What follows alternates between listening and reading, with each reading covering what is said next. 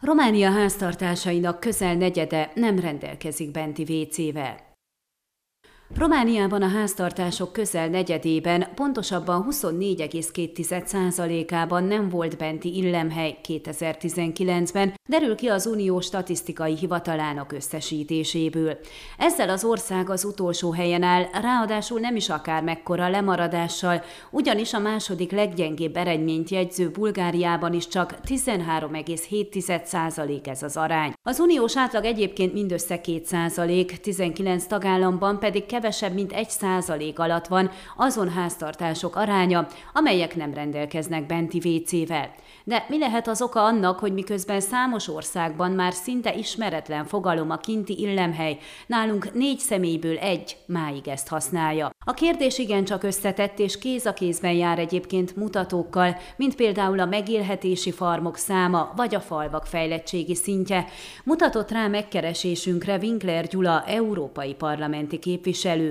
Mint részletezte, a jelenség megértéséhez 200 évet kell visszamenni, arra gondolva, hogy Alexandru Joankuza idejéből az államiság első formáitól kezdve a kommunizmuson át mindig az volt Románia problémája, hogy a vidéki lakosság nagy többségben volt, és a város, illetve falu közötti fejlettségi különbség óriási volt. Ezt a mai napig nem sikerült megoldani. Románia számos vidéki településén nincs kiépítve a víz- és szennyvízhálózat, de véleményem szerint a következő egy évtizedben ez megváltozhat az Európai Unió segítségével. Hozzájárul ehhez a helyreállítási terv és a következő 7 éves költségvetés, illetve hogy ebben mennyi támogatás van és milyen programok segítenek a falvak felzárkóztatásában.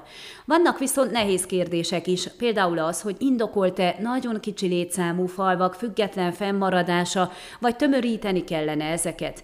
A fejlődéshez fejlődéspolitikára van szükség, de meg lehet oldani kis lélekszámú hegyvidéki településeken is, vetette fel a kérdést Winkler.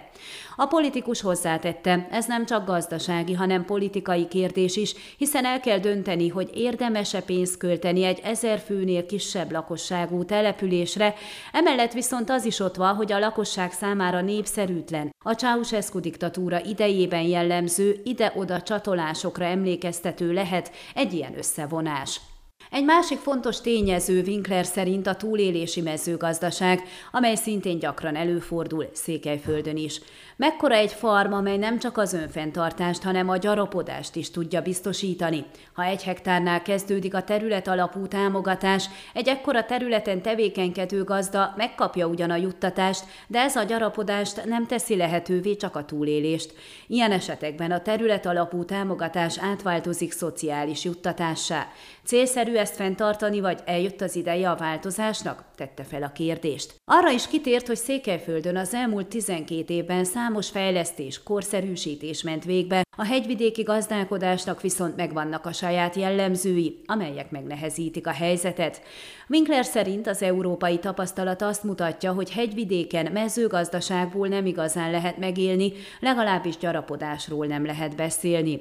A déltiroli tapasztalat például az volt, hogy a falvak kezdtek elnéptelenedni, a fiatalok inkább a várost választották, ezért, hogy helyben tartsák őket és a falusi környezetben biztosítsanak megélhetést, a mezőgazdaság mellé tettek még valamit, esetükben a turizmust. Látjuk, hogy ez beindult Székelyföldön is, ami azért jó, mert létezik az állami beavatkozás lehetősége, kiépíthetők támogatásokkal azok az infrastruktúrák, amelyek a turizmushoz szükségesek. Minden olyan mezőgazdaságból, állattartásból származó terméket, amely a turizmus fellendítéséhez hozzájárul, társulásokkal lehet létrehozni.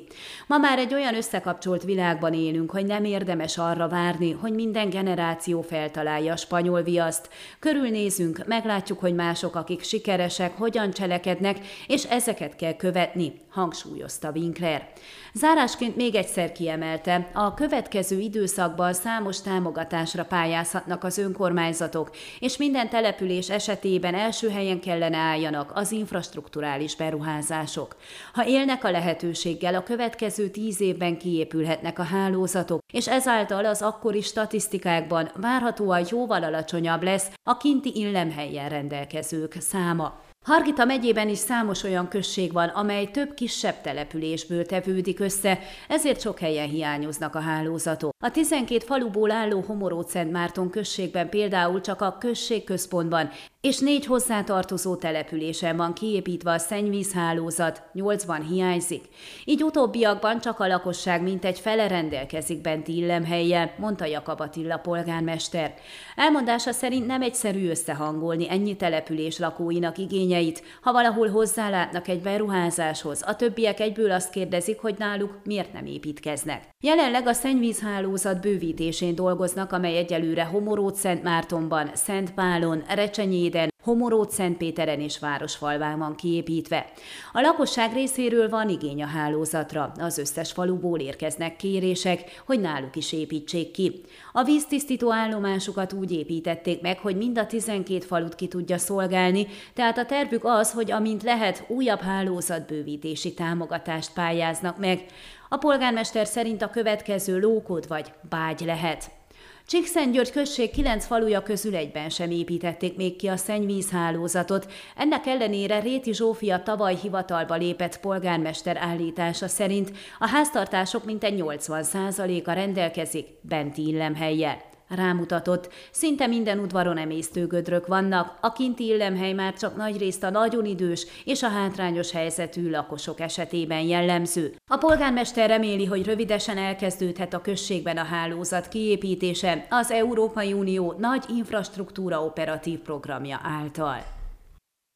Ön a Székelyhon aktuális podcastjét hallgatta. Amennyiben nem akar lemaradni a régió életéről a jövőben sem, akkor iratkozzon fel a csatornára, vagy keresse podcast műsorainkat a székelyhon.pro portálon.